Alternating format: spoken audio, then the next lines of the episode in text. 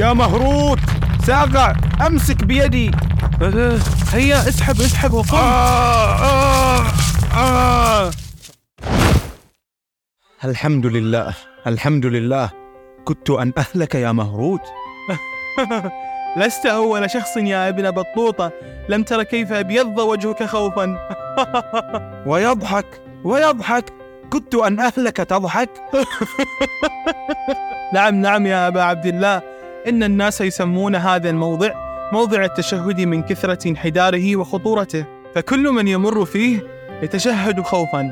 هيا هيا فلنرحل هداك الله. سبحان من سواه. هذه القدم؟ نعم انظر إلى عظمة حجمها. بودكاست. حكاية. نغوص في أعماق الحكاية.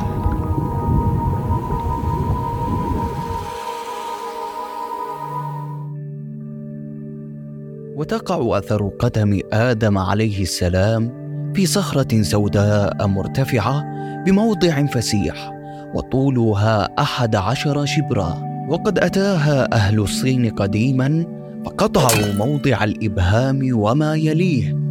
وجعلوه في كنيسة بمدينة الزيتون يقصدونها من أقصى البلاد. وفي الصخرة حيث القدم تسع حفر منحوتة يجعل الزوار من الكفار فيها الذهب واليواقيت والجواهر. فترى الفقراء إذا وصلوا مغارة الخضر يتسابقون منها لأخذ ما بالحفر. ولم نجد نحن بها إلا يسير حجيرات وذهب. أعطيناها الدليل والعادة أن يقيم الزوار بمغارة الخضر ثلاثة أيام يأتون فيها إلى القدم غدوة وعشية وكذلك فعلنا. ولما تمت الأيام الثلاثة عدنا على طريق ماما. فنزلنا بمغارة شيم وهو شيت بن آدم عليهما السلام. ثم أصبحنا نتنقل بين القرى والمدن حتى وصلنا إلى مدينة كلامبو وهي من أحسن بلاد سرنديب وأكبرها وفيها التقيت بالناخوذه إبراهيم. والناخوذه هو منصب رفيع لدى أهل البحر. فركبنا معه قاصدين بلاد المعبر. حينما جن علينا الليل دارت ريح عاصفة وأصبحنا في موج كالجبال.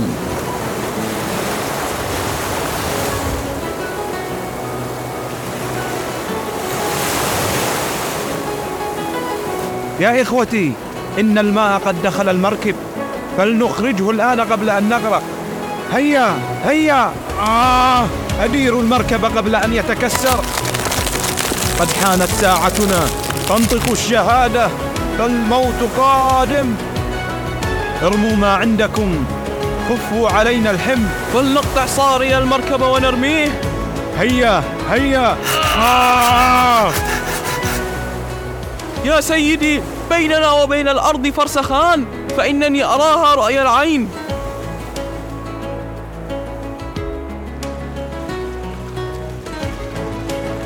انزلوا يا رفاقي وخذوا معكم جاريتي جمان إني أحسن السباحة يا سيدي سأنزل معهم. انزلي معهم استودعتك الله. وخذوا هذه الجواهر والأموال واحفظوها عندكم. هيا هيا!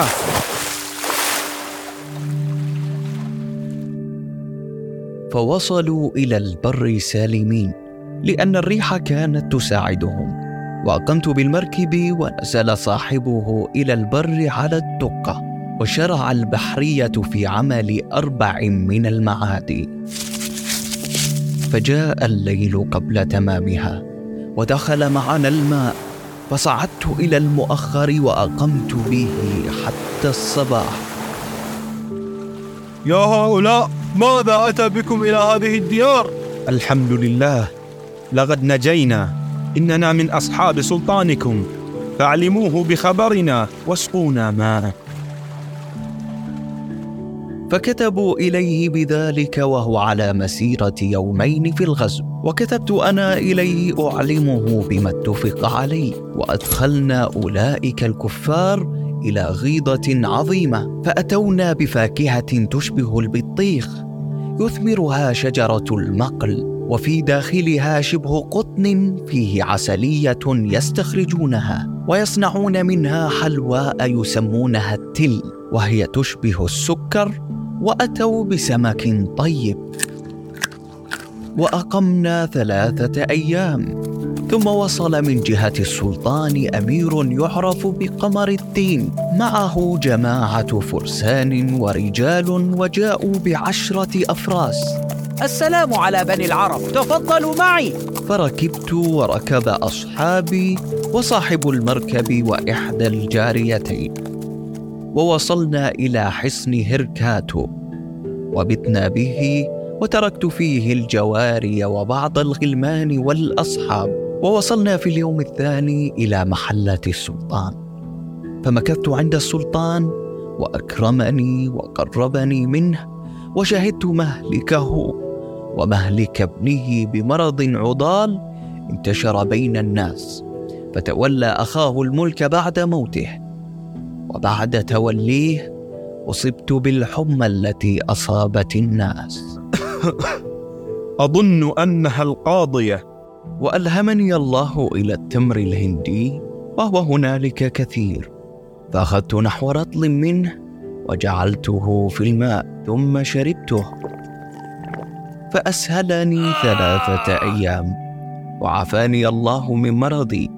فكرهت تلك المدينة وطلبت الإذن في السفر. كيف تسافر؟ ولم يبق لأيام السفر غير شهر واحد. أقم. حتى نعطيك جميع ما أمر لك به. فأقمت المدة ثم حان موعد سفري. فركبت البحر مرة أخرى. وبينما نحن في أمان الله.